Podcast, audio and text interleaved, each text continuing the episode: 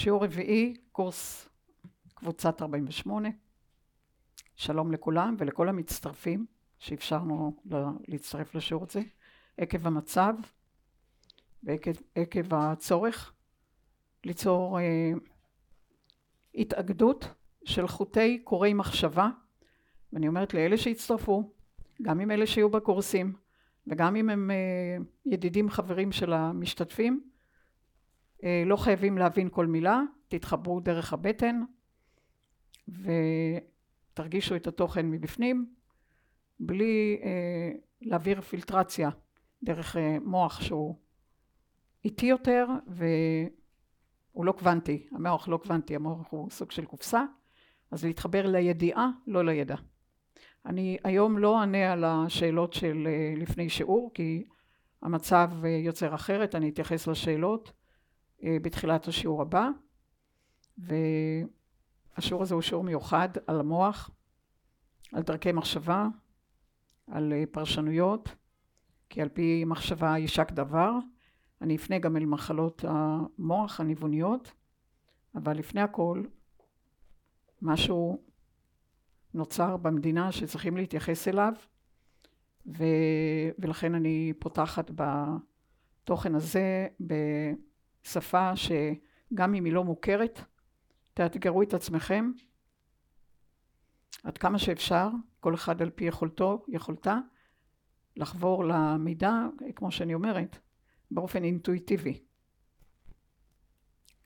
אנחנו בשנת 75 למדינת ישראל 75 ברמה נומרולוגית מגדיר את רעיון ה-12.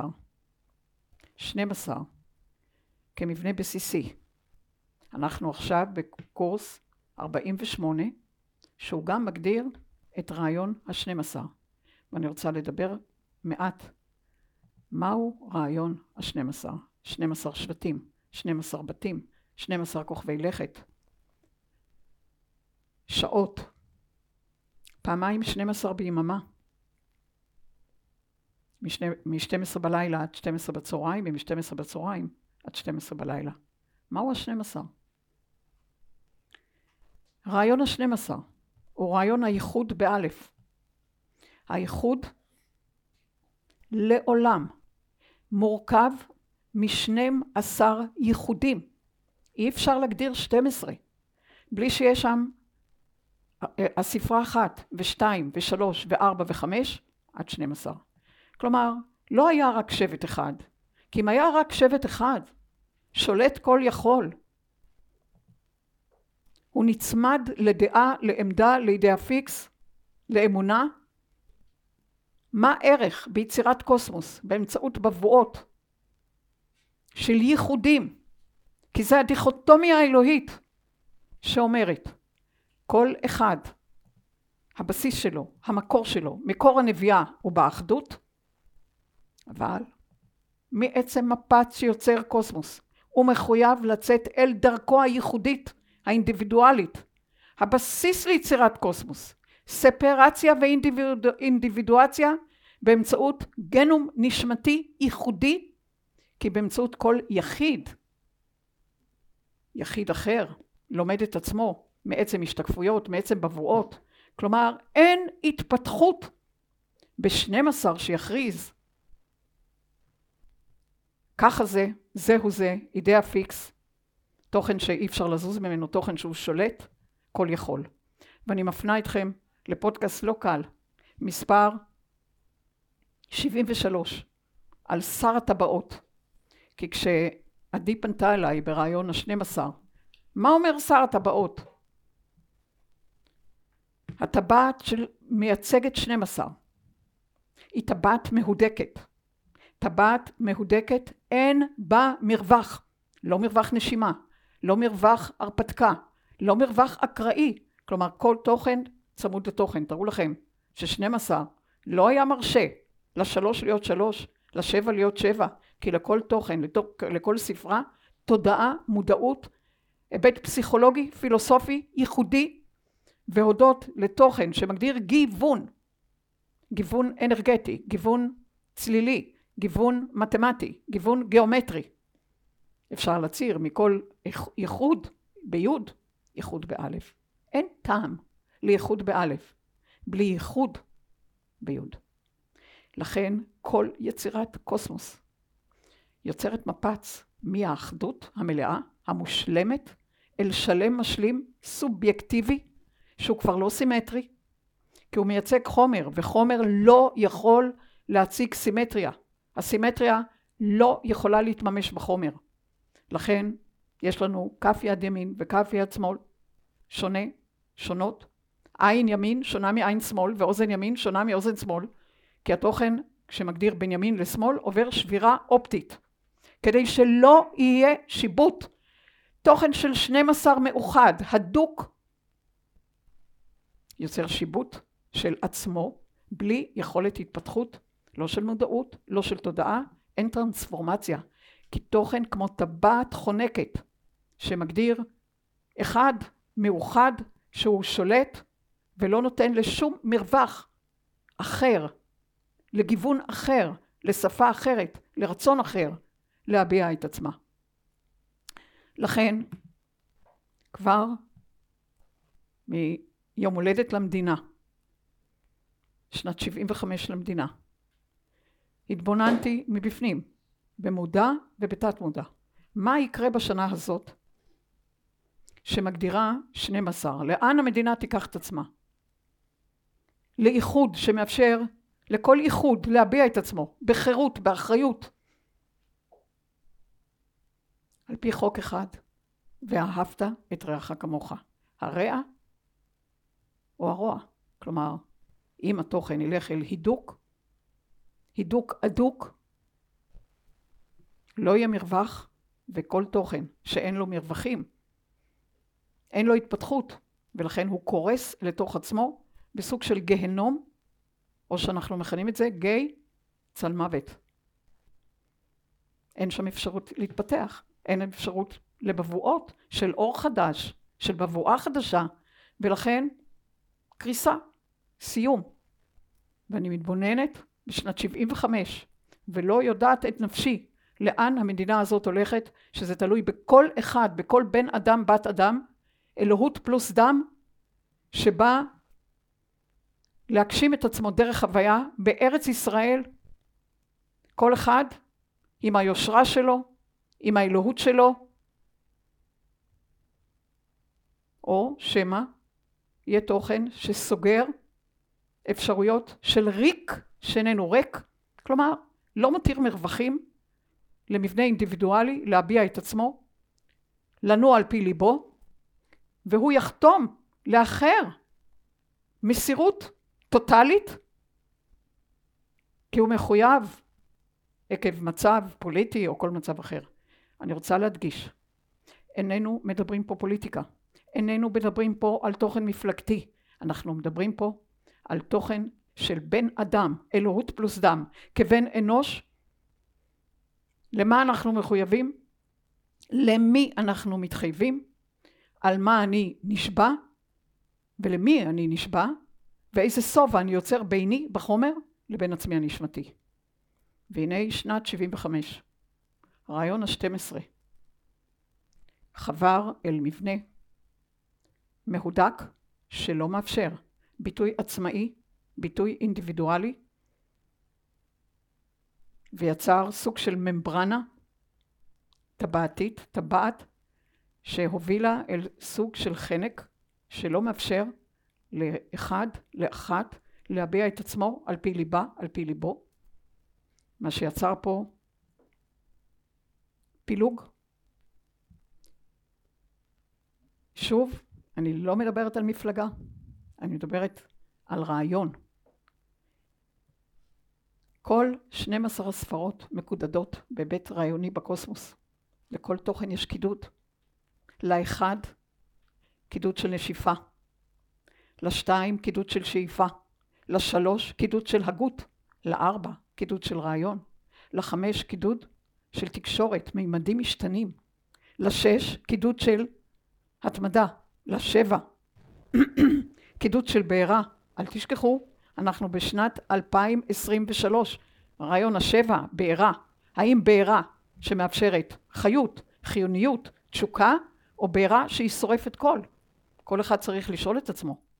השמונה מדבר על מימדים מתמזגים. תשע מדבר על מחשבה כבסיס. עשר, אלמנט שמגדיר סגירת פערים בין רוח לחומר, בין נפש לגוף, בין אנימה, היבט נקבי, לאנימוס, היבט זכרי, בין שכל, לוגיקה, לאינטואיציה וכו' וכו'. סגירת פערים. הספרה 11 מגדירה בכל הקוסמוס, זו שפה בכל הקוסמוס, שאני מלמדת בקורסים המתקדמים, רגש חושב ומחשבה מרגישה. כלומר, מה ערך לחשיבה לוגית בלי הרגש שמבעיר מבפנים רצון, תשוקה, להוביל תזה, אנטיתזה, סינתזה, להביע את עצמי, את הרצון שלי, את הלב שלי. ללא כל אלה אנחנו רובוטים. לכן שכל, לוגיקה. בלי אינטואיציה, מגדירה היבט לוגי קר, קר. אז לוגיקה בלי אינטואיציה, חסרה תשוקה, חסרה בעירה, חסרה מימוש של כל המשחקים וכל השעשועים עלי אדמות. מה ערך לרגש בלי השכל? הרגש בלי השכל יהיה דרמטי, איך שאנחנו מכנים דרמה קווין, על כל דבר יהיה געש, שריפה, התלקחות, לכן הלוגיקה זקוקה לאינטואיציה, והאינטואיציה זקוקה ללוגיקה. לכן רעיון ה-11, רגש חושב ומחשבה מרגישה. זה הבסיס לכל קיום ולכל מהות חווייתית הווייתית, לא רק על פני האדמה, אלא על פני הקוסמוס כולו. רעיון השנים עשר, מאחר ומדובר בטבעת או בממברנה מלאה, נקבע מראשית הדרך. אתם יכולים להגדיר בזמן ארצי 13.7 מיליארד שנה. 12 לא יוכל להתממש מחשש שלא תהיה התפתחות לא של מודעות ולא של תודעה מעצם ההידוק של השנים עשר שמתנהג כאילו הוא אחד שולט, אחד משתלט, על פיו יישק דבר, ואז אין מקום לייחודים אחרים. לכן נקבע. 12 בכל הקוסמוס, מקדד, ממשק מפריד. חייב להפריד בין רעיון השתיים לאחד, כדי לאפשר לכל אחד להיות הוא, להיות עצמו, להגדיר אני בחומר מול עצמי נשמתי. כי מה ערך, כמו שפתחנו, ללא, לקוסמוס, בלי בבואות, בלי רעיונות, בלי שכל אחד ינהל את ההצגה הכי טובה בעיר, שילהק את אלו שהוא חושב שמתאימים לעצמו להתפתחות, איזה בבואות, איזה היבטים פרסונליים. לכן 12 נקבע בכל הקוסמוס. אין לו יכולת מימוש, אלא מה? כשהחומר משתלט על הרוח, מסוגל לקחת את רעיון השנים עשר ולסגור אותו בתוכן חונק, ללא מרווחי ריק. ללא מרווחי ריק אין נשימה.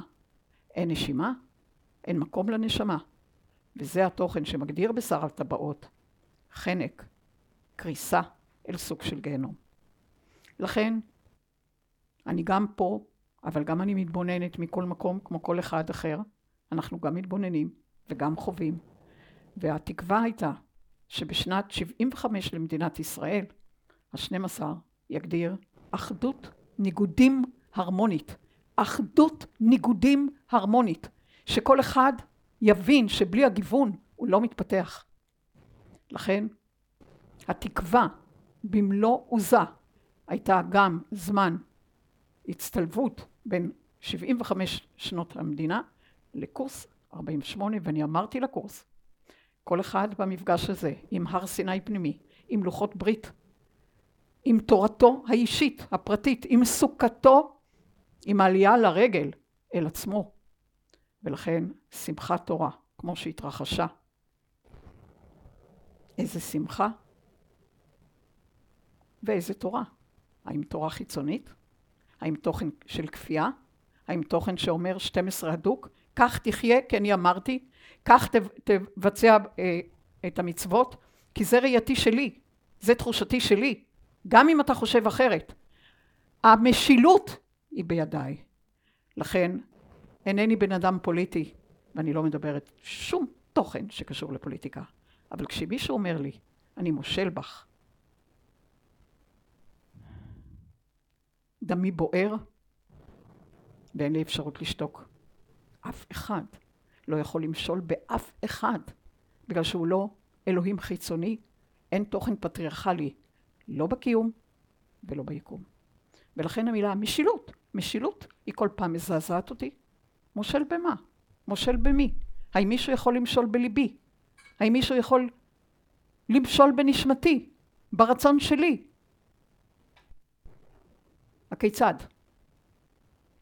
ולכן מספיק 51 אחוז מתוך 100 אחוז, כי אנחנו מדברים על מבנה עשרוני, בקוסמוס זה לא עשרוני, זה תריסרון, 51 אחוז שיגדיר חנק, שיגדיר סגירת מרווחי הריק, שלא מתיר ברירה לאחדים אחרים, יכול לקרות אסון.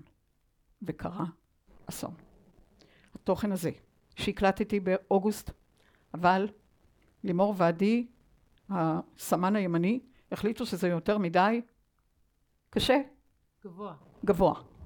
ואז הם נסעו לתאילנד, בתאילנד שמעו עוד פעם את הפודקאסט ואמרו לא, זה ראוי. ואז העלינו את הפודקאסט באיחור. ראוי למאמץ. ראוי למאמץ. אז uh, הרעיון של השנים עשר שהקלטנו באמצע אוגוסט היה ממש סוג של, זה היה לפני קבוצת 12, שגם הקבוצה הזאת, כל אחד, איזה תוכן הוא יאמץ, האם את ה-12 שאומר, 12 לא יכול להדק מבנה טבעתי, ממברנה אקסיומטית, אין אפשרות. ולכן האתגר של הקבוצה הזאת הייתה, היה, 12 חייב להגדיר תמיד ממשק מפריד, 12 כרעיון שדה חיובי, מינוס אחת. להשאיר להותיר את רעיון ה-11, רגש חושב ומחשבה מרגישה. אם יצליחו הקבוצה להוביל 12 שלא מהודק, שמותיר תמיד פתח להתפתחות, פתח לטרנספורמציה, פתח להיבט מודעתי תודעתי, שהיום הוא כך ובעוד רגע הוא אחרת, או לא. והתוכן הזה שמגדיר שבת, כל שבע, מגדיר בעירה. גם ביום שבת, גם בשנת 2023 זה גם שבע. וגם התוכן שמגדיר שבועה על מה אני נשבע, ומה יגרום לי סוב הרגשי. והשביעי לאוקטובר. והשביעי לאוקטובר. אבל זה גם היום שישי, שישי כבר התחיל הרעה, בשישי לאוקטובר זה גם שבע. שש ואחד, ואז שבע שפרץ את הכל ברמה ש... מה זה אומר שהוא מוגדר בעירה, השבע, בקוסמוס? הספרה שבע מגדירה בעירה. מדוע? לא בכדי שבעה ימי בריאה. לא בכדי שבע שקרות בגוף הפיזי. שבע סולמות צליל. שבעה סולמ, סולמות של דו, רה, מי, פה, סול, לה, סי. כלומר, יש לנו את רעיון השבע בבסיס הבריאה מבראשית.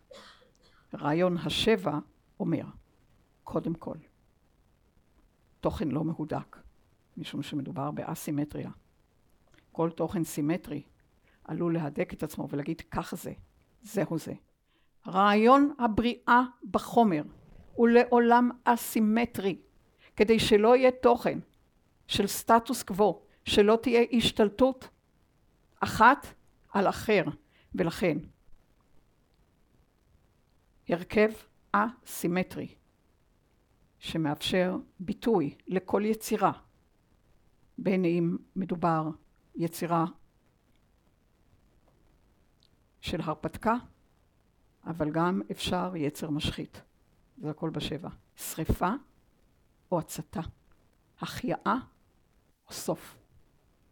אני רוצה לשאול אותך משהו, מכיוון שאני שומעת את כל ההרצאות שלך שנים, את כל הזמן מדברת בעידן הזה שלא יהיה מנהיג חיצוני ולא נכון. תהיה הנהגה ובאמת יש לנו את החוסר הנהגה הכי גרועה שחווינו אי פעם ועכשיו גם האזרחים מנהלים את כל מה שקורה, את לג... כל התרומות ואת כל ה... גם את הצבא הכל. האזרחים מנהלים. העם. העם. העם הזה שקם בבוקר, כל אחד מהעם הזה קם בבוקר ומתחיל ללכת.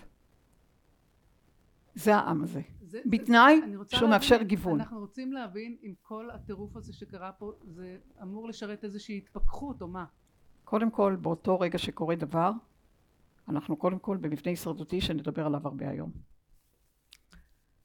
אין דבר שלא מאפשר התפתחות מה... איך אומרים? מהרע ביותר, אין תוכן שהוא שחור משחור, אין תוכן אטום. חוץ מתוכן בחומר שחושב שהוא יכול לאטום ולסגור ולהגדיר לאחר איך ומה עליו לעשות ואיך עליו לחיות ולהפקיר את ליבו. לכן אה, אנחנו בעידן, עידן הדלי, מי שמוביל את העידן זה אורנוס, שליט מזל דלי, אין מזלות בקוסמוס, אבל כוכב לכת שאנחנו מכנים אורנוס, זה לא השם שלו בקוסמוס, מכיל הרבה מאוד אורניום אנרגטי, יסוד רדיואקטיבי, שאמור למוסס כל הדעות, האמונות, הפרשנויות שמגדירות ארכאיות של תוכן שהיה. אורנוס לא יכול להגדיר רגרסיה היסטורית. כל תוכן בקיום וביקום יוצר מפגש היה והיא יהיה. זה ההוויה. הוויה נשענת על מה היה כדי להכיר את עצמי, שאני לא אתחיל מבוקר, בלי להכיר את מה עשיתי עד עצם היום הזה. אבל בלי מעגל, מעגל יצירה שמגדיר עתיד בהווה מתקיים, אי אפשר להחזיק מעמד בשום קיום או יקום, כי התוכן שתמיד מפגיש בין שני מעגלים, מעגל אחד נגד כיוון השעון מגדיר היה, מעגל, מעגל אחד עם כיוון השעון מגדיר יחידות עתיד, המפגש ביניהם מגדיר הוויה, בתקווה שהיא תהיה בתפארה. לכן, כשמישהו הולך בשני מעגלים אחורה, רגרסיה, פירושו קריסה. גם שני מעגלים קדימה לא מאפשרים קרקע מציאות, אבל במקרה הזה, ללכת אל רגרסיה, אל תוכן שהיה, אל תוכן שמגדיר מבנה היסטורי בארץ ישראל, לעם היהודי, שמגדיר הד, שמגדיר יד של כל אחד, קודם כל לעצמו, וגם לומר מתי די, מתי די, היכן ההדהוד ואיך אני פועל. על פי רמת ההדהוד והיד שלי כלפי מבנה שמאפשר אחדות, ניגודים הרמונית, כשאני מבינה שכל אחד יש לו את ההד שלו, את ההדהוד שלו, ואינני יכולה להגדיר. אני מושלת בהדהוד שלך, אני מושלת ביד שלך, אני אקבע מתי כן ואני אקבע מתי לא. אי אפשר, ואני אומרת את זה הרבה מאוד בשיעורים, חבר'ה זה, זה בלתי אפשרי בעידן הזה, להכתיר מלכים, להכתיר כתרים, דיברתי על הקורונה, זה היה הסנונית שהגדירה במבנה אקספוננציאלי, מעריכי בין מזרח למערב, אין אפשרות לכתר חיצוני, אין אפשרות להמשיך להמליך מלך לא באנגליה ולא בכל מקום אחר, כי אין מלוכה בעידן הזה, בעידן הזה כולנו שווים, יצאנו ביחד, נחזור ביחד, וכולנו בנויים מרעיון אחדות מלאה עם איחוד בעל DNA אינדיבידואלי עצמאי משלו. ומי שלא יבין את זה, זה, זה לוקח לסוג של אחורה, אז כל תוכן הוא משרת, ואין לי ספק בכלל שהתוכן הזה ישרת, אה, זה מפץ, מה שקרה פה במפץ מבחינתי זה חורבן בית שלישי. לא פחות. התוכן שאומר בשמחת תורה, בסוכה שלי, בבית שלי, בארץ מובטחת שלי, ששום דבר לא מובטח בה, זה חורבן. אבל לכל סוף יש התחלה. אין סוף בלי התחלה. אל תשכחו, אנחנו בחומר, בזמן קצוב, ואנחנו ברוח נצחיים. כלומר, אין ספק שלאט לאט נבין, כשקודם כל אנחנו נאפשר לעצמנו מתוכן מגיב אל תוכן יוזם. אנחנו עדיין, על פי ראותי, מגיבים למה שהיה, ועוד לא יוזמים את מה שיהיה. התוכן הזה שמדבר היפוך, מתגובה ל אל יוזמה ל. ובשביל זה קראנו לכולכם להתאסף פה היום, לאחד שורות, ליצור רשת של עיגונים עוגן באמצעות כל אחד ואחת שהצטרפו בין אם לזום ובין אם נמצאים כאן. הרעיון הוא, הוא בסיס לכל תוכן שהוא חיוני להעצמה מיידית בגלל שיש להבין. מראות לא קלים וימים לא קלים ועוד יהיו ימים לא קלים. אנחנו כולנו יודעים. אבל אל לנו להפיל את עצמנו לבור כי בתוכן שאנחנו נגדיר מגיבים למציאות. אם אנחנו נקרוס לתוך תוכן שהוא חדל אונים ולא נגדיר מה שמכונה במדע לחץ ניוון, כלומר תוכן בהיפוך. אנחנו לא נאפשר למהפך להתקיים ולכן המהפך תלוי בכל אחד ואחד מאיתנו. לא לאפשר קריסה. אני יודעת שזה לא פשוט. אנחנו רואים את המראות, ליבנו עם כל מה שקורה. גם פה בקורס ישנם משפחות של נפגעים וליבנו איתם ברמות שלא ניתן לתאר. אבל אם אנחנו רוצים לצאת מהבור, אנחנו צריכים מרווח כדי לאפשר להוציא את הבור. אם אנחנו ניפול לבור, זה יהיה קריסה בסוג של שואה, כי לא יהיה לנו אפשרות לנשום אלמנט חדש. ואני רוצה להזכיר לכל מי שמצוי פה, ולכל מי שיצטרף לשיעור הזה, אנחנו מחויבים למרווח נשימה, למרווח לנשמה, שמאפשר לחלקיקי נצח להגדיר את עצמן כאן ועכשיו. כלומר, לחץ התנגדות, התנגדות לקריסה, התנגדות ליפול לבור, בגלל שכל אחד ששואף ממרחב ונושף אליו, הוא נושף אמונה או אנטי אמונה. תוכן בעד או תוכן מנגד.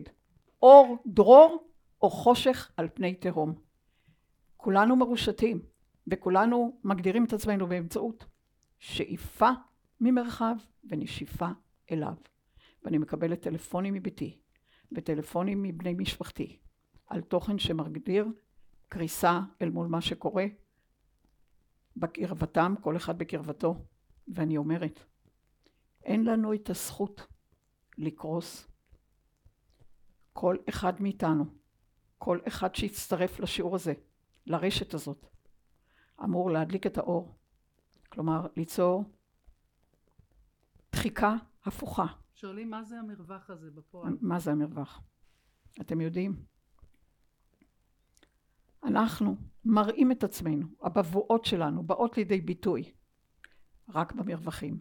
הרי אם יש פה ציור, הוא כבר מלא בציור, אני לא יכולה להראות בו בבואה אחרת. אם יש פה מבנה שהוא כבר חסום בהיבט כלשהו, אני לא יכולה להציב עליו תוכן חדש. לכן, מלכתחילה נקבע, לא יהיה תוכן בלי מרווחים. הפוטון כחלקיק אור, הוא יכול ליצור גל באמצעות חלקיקי אור, בין חלקיק לחלקיק, מרווח. מרווח בין תאים, מרווח בין איברים. המרווח באטום הוא רובו. הגרעין באטום זעיר. איצטדיון רמת גן פה מגדיר גרעין במרכז האיצטדיון וכל מרחב ש... מה זה אומר המרווח הזה ביום יום שלנו? המרווח זה אומר שאת יכולה לנשום, שאת יכולה להגדיר בבואות, שאת יכולה להגדיר תזות. מה זה יכולה... להגדיר בבואות? להגדיר בבואות זה אומר שאת יכולה לשקף משהו. אם המראה יש עליה כבר ציור, את לא יכולה לשקף כלום. לכן נקבע שלכל אטום, לכל מבנה, לכל תא, רובו מרווח. במרווח את יכולה להציב תמונות, מראות, רצונות, אה, תזות, אבל אם אין מרווח את לא יכולה להציב דבר. כלומר, את מגדירה את עצמך במרווחים, המרווחים בין הצלילים, התהודה, מבנה ההדהוד הוא רק במרווחים. אני רוצה דוגמה מהיומיום. דוגמה מהיום זה מהיומיום למשל, אם יש לי תפיסה ואמונה, וזהו, אין לי אפשרות למשהו אחר. אני אגדיר היום, אני אגדיר מחר, ואני אגדיר בעוד שנה, שנתיים, אותו דבר. כי אין מרווח. איך אנחנו מתפתחים? רק באמצעות המרווחים. בגלל זה נקבע שאין תוכן חומר, אין, בלי מרווחים. לא קיים. כי המרווח מאפשר תנועה אחרת, התחדשות, טרנספורמציה, מטמורפוזה.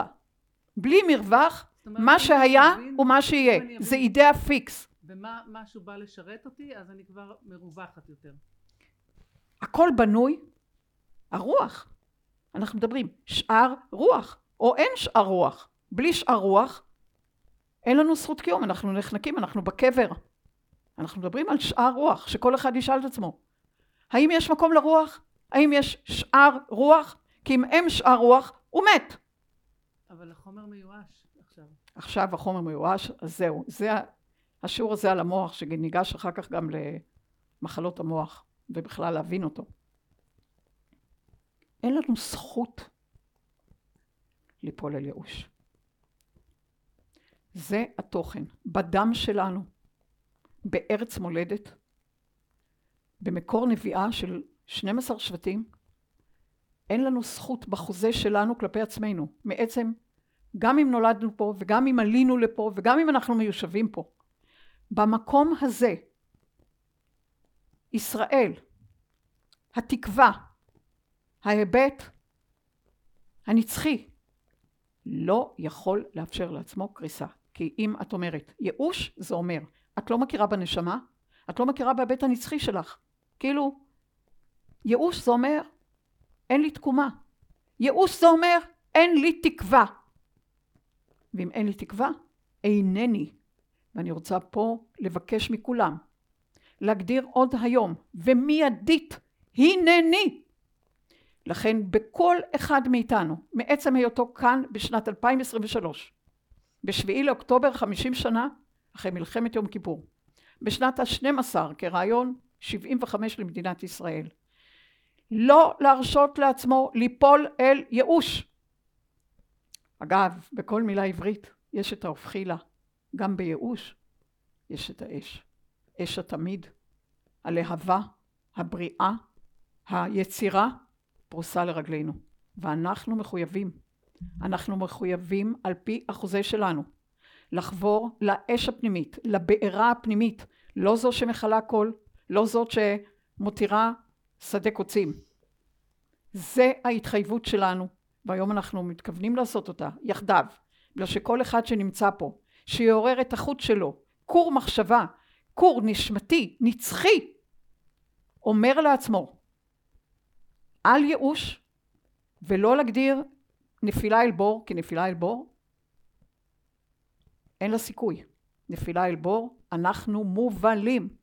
ולכן, כדי להותיר שאר רוח ולאפשר להוציא מהבור בני אדם שלא קל להם אל מול יקיריהם, עלינו להגדיר מרווח שמאפשר, הנה דוגמה, יש לי פה כמה שאלות מהבית. אוקיי, לזה אין מרווח, זה גמור. מרווח יכול ליצור תנועה, כמו אקורדיון, שאיפה, נשיפה. אבל אם הוא צמוד, הוא קורס. ככה נגמר כוכב, ככה דועך כוכב, מתוכן שאין לו עוד שאר רוח, לא נשאר רוח. לא נשאר רוח, הוא עפר ואפר. ואנחנו כקבוצה יכולים מאוד מאוד להשפיע בין אם באופן ישיר ובין אם באופן עקיף על כל בן אדם בגלל שאל תשכחו שכל אחד שהוא נושף את מחשבותיו נושף את ההתעוררות אל היש אל הבית הנצחי הולך על אה, איך אומרים על מסילות הרשת ומעורר עוד ועוד אנשים כמו בפורסט גאמפ. הוא הולך והולכים אחריו. הוא רץ ורצים אחריו. זה התוכן שאנחנו מתכוונים היום להגיד. כל אחד שיגדיר אחריי, הוא לא מסתובב אחורה מי הולך אחריו, הוא פשוט צועד, כי הוא יודע שהוא קם בבוקר והוא עם שמיטיב ללכת. אה, שואלים פה באמת על העובדה שזה התחיל מהדרום, מה יש לך לומר על זה ש... אם יש משמעות לזה שזה התחיל בדרום. לכל תוכן יש משמעות. כרעיון, צפון מקדד אוויר, מזרח מקדד אש, מערב מקדד מים, והדרום מקדד אדמה. ארץ מולדת. אדמה שמעניקה אינקובציה לכל זרע יצירה, לגדול בדרכו העצמאית, להניף את פירותיו, את פוערותיו במו הוא, מתוך גזע עצמאי, אבל תוכן אדמה שנחנקת וחונקת, לא מאפשר דבר. כלומר, הדרום אומר, היבט אדמתי, שלא לדבר על סוכתי, ושלא לדבר על יציאה מהמיצר אל ארץ מולדת, שלא לדבר האם אני עולה לרגל או מרגל אחרי עצמי. האם כשאני מדבר על נצח, האם אני מדבר על נצחיות או אני מדבר על שקר לעצמי. אז כל מחשבה פה, כל תוכן שמתעורר פה ומעביר מסרים של נשיפה חדשה, שאיפה חדשה, יכול לעורר את הרשת כולה. כל אחד שנמצא פה הוא עוגן חשוב מאין כמותו. כשאתם יכולים לראות ברעיון נרות חנוכה, עוד נר ועוד נר ועוד נר. היום אנחנו מדליקים נרות כמה מצויים על הרשת, לימור? כולל פה? עכשיו 176 ופה... ופה האנשים שהגיעו. הרעיון הוא ליצור ערעור. שואלים אם זה יכול לעזור לחטופים ולשבויים. זה יכול לעזור מאוד. קודם כל, בחלקיקי הרוח אין, אין תוכן שעוצר. כלומר, הרוח חייבת התאוששות, הרוח חייבת התעוררות, הרוח חייבת להוביל שלומות, גם אם זה לא פשוט, אבל חייבת את הלחץ מנוגד למה שהולך. כלומר, אנחנו לא יכולים לאפשר לעצמנו לקרוס. תדמיינו לעצמכם שאנחנו יושבים ביציע ורואים את המצב ורואים את עצמנו איך אנחנו משחקים בכדור המשחקים הגדול ביותר בקוסמוס וכל אחד צריך למצוא את עצמו יושב מהיציע מתבונן על הבמה ומרכין את ראשו ואומר כפיים. מוחא כפיים מעניק יד לעצמו ואומר וואו באיזה מצב הצלחתי ליצור את הלחץ המנוגד להדליק את האור להדליק את הנחישות להדליק את הנצח בתוך עצמי כי ככה אני מאפשר בכל נשיפה אל מרחב התעוררות של חוטי הרשת. זה מה עשינו היום. אה, שואלים אילנה, האם אנחנו חווים כעת פריצה במעטפת הממברנה? את יודעת, זה מזכיר את הגדר הזאת שנכנסו עם הטרקטור הזה. לגמרי. כאילו פתחו את הטבעת הזאת. נכון. הייתה טבעת שאי אפשר... שהם גם נחנקים שם אילנה. התוכן הזה של קודם כל תודעתי, התוכן התודעתי אחר כך מתמצק בחומר. Okay. אוקיי. הגדר, הגידור, התוכן, התוכן, הוא נפרץ. הוא נפרץ. הוא נפרץ והוא מגדיר סוג של כל תוכן, ואמרתי את זה פה גם בקורס המתקדם, שכל תוכן, ש... וגם בפודקאסט על 73, שכל תוכן שמגדיר חנק, הוא לא יכול להתקיים, הוא לא יכול, הוא לא יכול, הוא, הוא, הוא, הוא, הוא יבעט, הוא, הוא, איך אומרים, נשרף באש הגיהנום. זה הרעיון, ב... לא ראיתי את כל הטרילוגיה הזאת, אבל אני הבנתי את הרעיון מפרקים קטנים, כי זה מאוד מאוד ארוך. אבל ראיתי את הרעיון, איך התוכן הזה, שכל מי שנוגע בה, בטבעת הזאת, הופך לרשע רשע. הוא לא רואה, הוא לא רואה את רעהו, הוא לא רואה כלום, הוא רואה רק את הכוח ולא יותר. והוא נלחם על הכוח, כלומר הוא מגדיר סוג של רשע שאין אה, אין אפשרות אחרת אה, אלא פשוט אה, להפיל את הטבעת שהיא עצמה תישרף בגיהנום. טוב שני דברים. אחד כתבו פה אני מדמיינת מפעם לפעם את השבויים מדמיינת אותם מלאי עוצמה וכוחות פנימיים ויצירתיים. ובהמשך לזה שואלים אה, האם נשמות שנרצחו נחטפו סוג של הקריבו את עצמם למען הקולקטיב למען התנדבו. השינוי האם זה חלק מהחוזה הנשמתי שלהם? לגמרי. זה מה שבעיקר מעניין אנשים אם יש אופציה כזאת בחוזה. חבר'ה יש פה נשמות שבתת מודע הסכימו להתנדב לקריאה קולקטיבית של כולנו. ליצור פה מהפך שלא יכול עוד לקחת את מדינת ישראל לתוכן דקדנטי, לתוכן היסטורי, לתוכן שהולך וגאה שהוא יוצר את היומיום על פי מאות שנה אחורה ובדיוק אותו דבר ובדיוק אותו תוכן ובדיוק אותו משפט, אי אפשר, לא אנחנו. אנחנו הרי מראש באנו, העבריים שזה הפך פה לדת היהודית. העבריים שבאו מעבר, לא מגלקסיית שביל החלב. באו הרי להגדיר בחירה חופשית רגשית. ולכן הרעיון הזה של בחירה חופשית רגשית לא יכול להיות בסתירה לכל מה שהולך במבנה שמכריז שלטון, שמכריז משילות, ורק על פי יישק דבר. אין אפשרות כזאת פה, אין אפשרות. המחיר מאוד כבד. אבל אל תשכחו, נשמה היא נצחית, והתוכן הזה של נצח ישראל לא ישקר, וואו, זה התקווה, והם נתנו לנו תקווה במחיר מאוד מאוד כבד, אבל בהחלט יש פה התנדבות קולקטיבית, שהיא, אנחנו עוד לא מבינים את הגודל שלה, אלא רק שנסתכל על ההיסטוריה, כי זה, הגענו למצב של להיות או לא להיות. התוכן בארץ ישראל, עם בחירה, הוא לא מעל עם אחר. עם בחירה בא לבחור, הוא בא לבחור, הוא בא להגדיר בעבור כלל העולם האנושי, כמו שלכל מבנה ממלכתי, מטאפיזי, לא דתי, לא פונדמנטליסטי, יש לו תפקיד.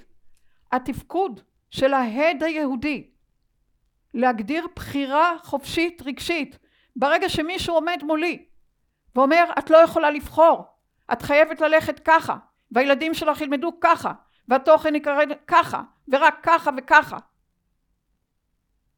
אין אפשרות אלא ליצור קריסה כדי ליצור התחלה חדשה. לכל סוף יש איתחול חדש, לכל סוף תא, תהליך אפופטוזה, מוות מבוקר של תא, בורא חדש. אבל כדי לברוא חדש, אנחנו זקוקים לעצמי הנשמתי, לרסיסים הנצחיים שלנו, באופן מיידי. אה, האם יש לנו, יש לך פה שאלה? כן, רגע. אה, טוב, קודם כל שאלה פה בכיתה, אחר כך מהבית. אז אה, זה אומר למעשה שאיפשהו כשלנו, כי במקום להפוך מטוב לטוב יותר, היינו צריכים שהגרוע יקרה כדי שנוכל להפוך לטוב יותר.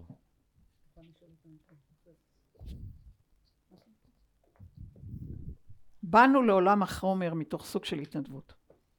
לא היה עולם חומר של בחירה חופשית רגשית שיוצר החלאה בין חלקיקי הנצח לחלקיקי החומר. כולנו מתנדבים, כולנו ראויים, ומראש נסלחנו. מראש סלחנו לעצמנו, כי לבוא לעולם בסוג של החלאה היברידית בין חלקיקי חומר אבולוציוני לבין רוח נצחית, וואו, תמחא לך הערב כפיים, תמחא לך עכשיו כפיים, זה שאתה בכלל מוכן לנדב לקוסמוס את הרעיון של כוכב ארץ, שהוא מניע את עצמו על פי בחירה חופשית רגשית, כשאתה יודע שאתה גם נשמה וגם חומר. ולכן, מחיאות כפיים סוערות לכל אחד מאיתנו. אנחנו היוצרים הגדולים ביותר בקוסמוס. אנחנו הבמאים המאלתרים שאין כמונו. אין כמונו. לכן אי אפשר להגדיר סוג, שום מילה של כישלון. אבל יש להוביל אלמנטים מתוך החוזים שלנו של כלים, של יכולות, של כישורים, שהם הרבה הרבה מעבר לאופק שנראה לעין, ואנחנו חייבים לעורר אותם. כלומר, אם אנחנו יוצאים מנקודת הנחה ברורה, שנשמה היא לא קורבנית, היא לא באה לקרבן את עצמה, היא לא באה להעלות את עצמה לעולה, ולא באה להעלות את עצמה זבח וקורבן. עלינו להתעשת ולהוביל את התוכן בכל רגע נתון, בלי קשר מה יהיה עוד רגע. ברגע הזה אתה נושם, ברגע הזה הלב שלך פועם, אתה מחויב. אתה מחויב לתת ללב שלך ללבלב. אתה מחויב לתת לנשמה שלך לנשום. להותיר תוכן לאפשרות של התפתחות מודעתית תודעתית, בידיעה שתרמת את חלקך ברמת היוזמה ולא ברמת הנפילה. כי ברמת הנפילה אין לנו תקומה. אין לנו זכות ליפול. ולפעמים זה קשה מנשוא. כשאנחנו שומעים, זה התוכן שכולנו בו. האמפתיה, הסימפתיה, האהבה לכל אלה שאיבדו את יקיריהם, ויחד עם זה אתה מותיר שאר רוח כדי לאפשר שינוי, כדי לאפשר היפוך, כמו אם אתם יודעים מה זה טבעת מביוס, היפוך, הצד השני של המטבע. אתגרי מאוד, אבל אין אפשרות אחרת. לכן, לעולם אל תגדיר, נכשלנו. אנחנו עושים ככל יכולתנו. אתה יכולת להגיד, יכולנו לבחור בחירה יותר מותמרת, מטוב אל טוב יותר. אבל, מה לעשות, החומר מושך אחורה, והוא מושך פה אחורה, ברמה שאי אפשר יותר. הגענו לקצה, שאי אפשר יותר ללכת אחורה. אי אפשר להגדיר תוכן רגרסיבי, כי זה הבסיס למה שנדבר היום. מחלות מוח ניווניות. כל תוכן רגרסיבי לוקח אל ניוון. ולכן רגע לפני ניוון קולקטיבי שיתפנו פעולה. בלא מודע. עם הרעיון שכנראה בהיבט נשמתי, כי אנחנו גם פה וגם פה, משני צידי המתרס, לא ראינו דרך אחרת, אבל אי אפשר לקרוא לזה כישלון. אתה יודע בכל רגע שאתה עושה כמיטב יכולתך להוביל היבט היברידי בין רוח לחומר, ואתה יודע כל יום שאתה הולך לישון, עשיתי את חלקי, ואתה מתבונן בך רגע לפני השנה ואומר, כל שיכולתי, לו יהי. ואתה אז יכול לשקוט ולהרדם. התרומה של כל אחד מאיתנו היא כרגע חיונית. חיונית, ואל לנו ליפול לבורות, כי כשכולם נופלים לבור, אין מי שיוצאים מהבור. לכן זה אתגר לא פשוט, אבל אנחנו קבוצה, וכקבוצה כל חוט תומך בכל חוט, תומך בכל חוט, והאור הולך וגדל. אוקיי, okay, שתי שאלות אחרונות לפני החומר של השיעור. אה, ליקר יש שאלה ויש לי עוד שאלה מהבית וזה. אוקיי. Okay. אמ, שאלה שמגיעה מתוך, אה, מתוך יותר, הסתכלות אה, רחבה יותר, דיברנו על העם היהודי, אמ, דת היהדות, עם ישראל ומעבר לזה עבריים. אמ, אני קראתי את החומר בספר שלך על בריאת האנושות בהקשר של שיבת המקורות. שהגיעו לכאן שאת מכירה ודיברו גם על... גם שבעה, גם פה שבע. שבע תרבויות שהם פחות או יותר יש להם גוף מתואם שיכול ליצור מבנה מתואם עם גוף אנושי, שיכולו לתרום ממערכת עצבים רב-מימדית, רב-רובדית. כן, ו... וגם כן הוזכר שם אה, אה, סיריוס ו... והפליאדות בהקשרים רב-מימדיים. נכון. רציתי לשאול על אה, על המקור של הדת שלנו, של היהדות, ועל ההקשר של האנונקי לסיפור הזה. ו... של מה? של קבוצה של ישויות שנקראת אנונקי. Uh, ו... לא, אני לא נכנסת לקבוצות של ישויות. אני, העברים, הם באו ברמה מלאה, מעבר, לא קשורה לשום קבוצה, והיא גם לא uh, קשורה לשבע תרבויות האלה, כי העברים הצטרפו אחרי אטלנטיס. לכן, הם לא עם האבק הקוסמי. שבנה את החומר שהתחיל כאילו במבנה הניאנדרטלים וכל הדברים האלה. הם לא עברו את הדרך. הם הגיעו לכאן אחרי אטלנטיס, לאחר תביעת אטלנטיס, להשתלב מראש בתוכן שמתרכז פה, ואחר כך מופץ לכל אה, כדור ארץ. זה... הם, הדרך שלהם שונה. הדת היהודית התמצקה פה, בכדור הארץ. העבריים באו מעבר, ולכן הם לא אה, מגדירים כמו השאר, כמו היתר, אבק קוסמי שלאט לאט לאט בנה פה שפות, בנה פה תרבויות. הם אה, באו ברמה מלאה, הדיבור שלהם היה טלפתי, הם לא השתמשו בכלל בשפה מילולית, רק פה התחיל התוכן המילולי והשפה וכל התוכן הארצי, אבל השפה העברית מדוברת בכל הקוסמוס, ברמה טלפתית, ברמה גיאומטריה, גיאומטרי של משושה, זו השפה היחידה הארצית שמדוברת בקוסמוס. התוכן המשושי נקשר גם לאיורבדה, כלומר למבנה של שפה אה, אה, איורבדית, אבל היא לא מדוברת היום פה, אז השפה העברית קרמה עור וגידים אה, בחומר ברמה מילולית, אבל בכל הקוסמוס היא מדוברת. ברמה רשתית באמצעות המשושה. רשת משושית. טוב, יש פה שאלה מהבית, אה, האם מה שקורה עכשיו בארץ זה הזדמנות לעשות שינוי קרמטי מול השואה? גם, כי השינוי הקרמטי מול השואה זה אומר, אינני מובל, אני מוביל. כלומר, בכל רגע, באמצעות נשימה, שאיפה ונשיפה, זה שיעור שבע דרך אגב, אני מאפשר ביטוי, לא כמובל, אלא כמוביל. יש דבר כזה של סוף כוכב. בטרם הקריסה יש מה שנקרא לחץ ניוון, לחץ הפוך, הפוך. מה שמדובר, קרינת גוף שחור. הפוך. ואנחנו חייבים את הקרינה ההפוכה הזאת. ממש בכוונה, כלומר יצירה בכוונה, להתכוון לכך ולא לאפשר לעצמנו ליפול. אפשר להגדיר רשת, נניח עד שמונה, וכל אחד יגדיר לאן אני מאפשר לעצמי ליפול. משמונה לשלוש, משמונה לארבע, לא יותר. כי אני מחזיק את הרשת שלי בשלוש או בארבע, ולא מאפשר נפילה אל שאול תחתיות, כי משם אין חזרה.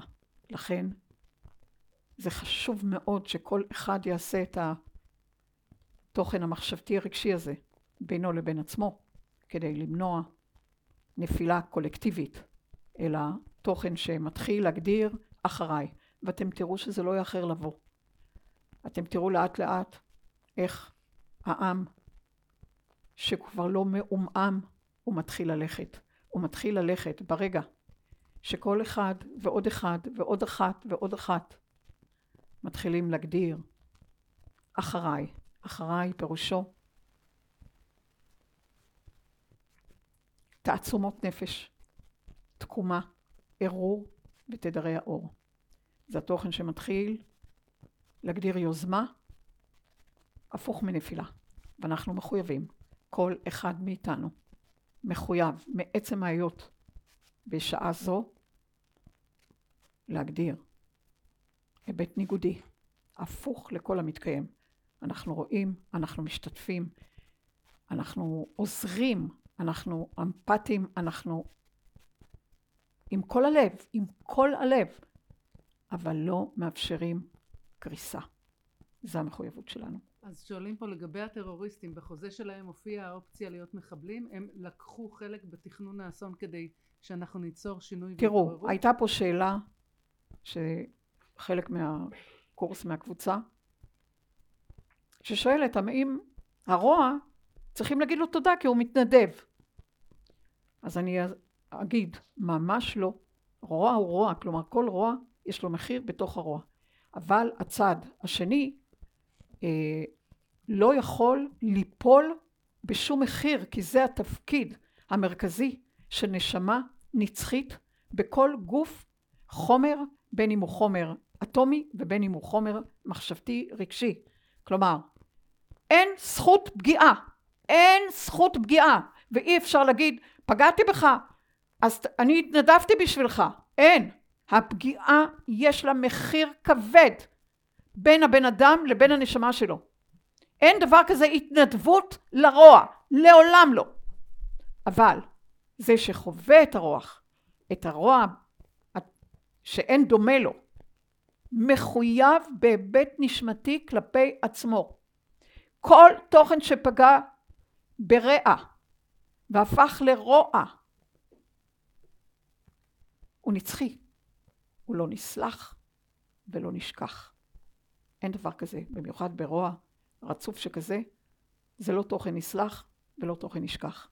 לכן, לנשמה יש עסק עם עצמה, ואם היא באה לתחנת ירח ומגדירה רוע, והיא רואה סרטים מחיי הנישואים של עצמה, ורואה עד כמה היא פגעה, וואלה, זה דרך אחרת, זה שביל אחר, זה תפקידים אחרים, זה ביזיון, אם אפשר לומר, שיימינג לבית נשמתי, זה חתיכת שיימינג.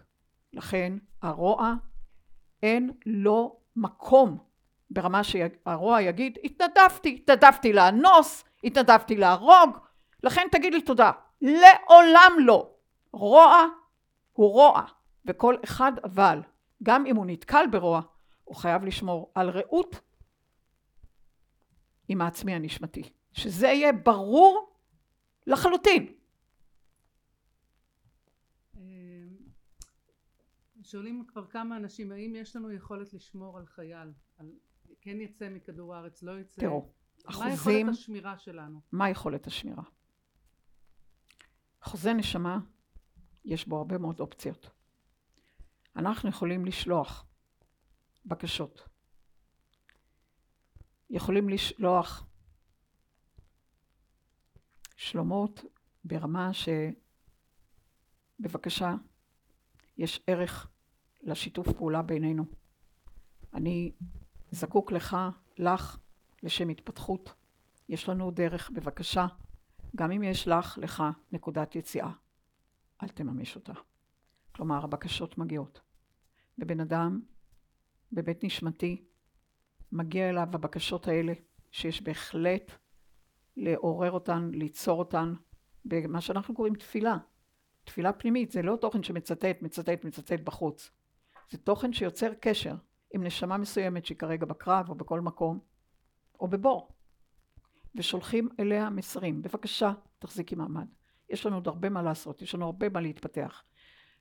ואנחנו יכולים uh, לבקש, נשמה מקשיבה לזה, אבל בסופו של דבר, נניח שמחכה לה עכשיו תפקיד, והיא יודעת שאם היא תצא בעוד כך וכך שנים זה תפקיד אחר. והיא חושקת בתפקיד שכרגע אם היא תממש נקודת יציאה, התפקיד יעמוד לרשותה. בסופו של דבר נשמה מחליטה, אבל השכנועים האלה בהרבה מקרים עוזרים. לכן יש לשאת תפילות, יש לשאת בקשות, יש לשאת שלומות, יש לשאת אהבה. אהבה בתוכן נצחי שאין דומה לו. ואנחנו יודעים, השליטה לא בידינו, המשילות לא בידינו, כי נשמה יכולה להחליט ברגע האמת לכאן או לכאן. זה שאנחנו שולחים, זה תפקידנו. תפקידנו לשכנע, תפקידנו להגיד מה אנחנו מרגישים, מה אנחנו חשים, זה התפקיד שלנו. אבל ההחלטה היא בידי הנשמה. שאלות. אז השאלה האחרונה פה להיום, אם את יכולה לחזור, מה יכול לעזור לנשמות שנחטפו ונפצעו? בבקשה. גם בצינוק וגם בכל מקום בסוג של כלא, הרעיון שבן אדם בכל מצב יכול לחבור להיבט הנשמתי, לשאול לדבר עם הנשמה שלו, לדבר עם התהודה שלו. הוא יכול לדמיין בדמיון מודרך רעיונות כמו איך הוא יוצא לחופשי, איך הוא מזמזם רמות יצירות שהוא מכיר וכולי. לא, היה... איך אנחנו יכולים לעזור? אנחנו לא... אנחנו יכולים כל הזמן לדבר עם הנשמות וליצור איתם קשרים ולאפשר באמת... אה, מה, פשוט לעצום את העיניים? זה, זה יכול להיות בעצימת עיניים ויכול להיות גם בעיניים פקוחות, okay. בסוג של ריכוז. Okay. ריכוז נלמד בשיעור הבא על מעגל היצירה. אזור הדמדומים שאתם רואים פה במרכז השמינייה הזאת, זה האזור של עומק אינסופי. האזור הזה של שמינייה שמגדיר אה, את המרכז, שעוד לא מגדיר, אה, זה מצולם נכון? אה,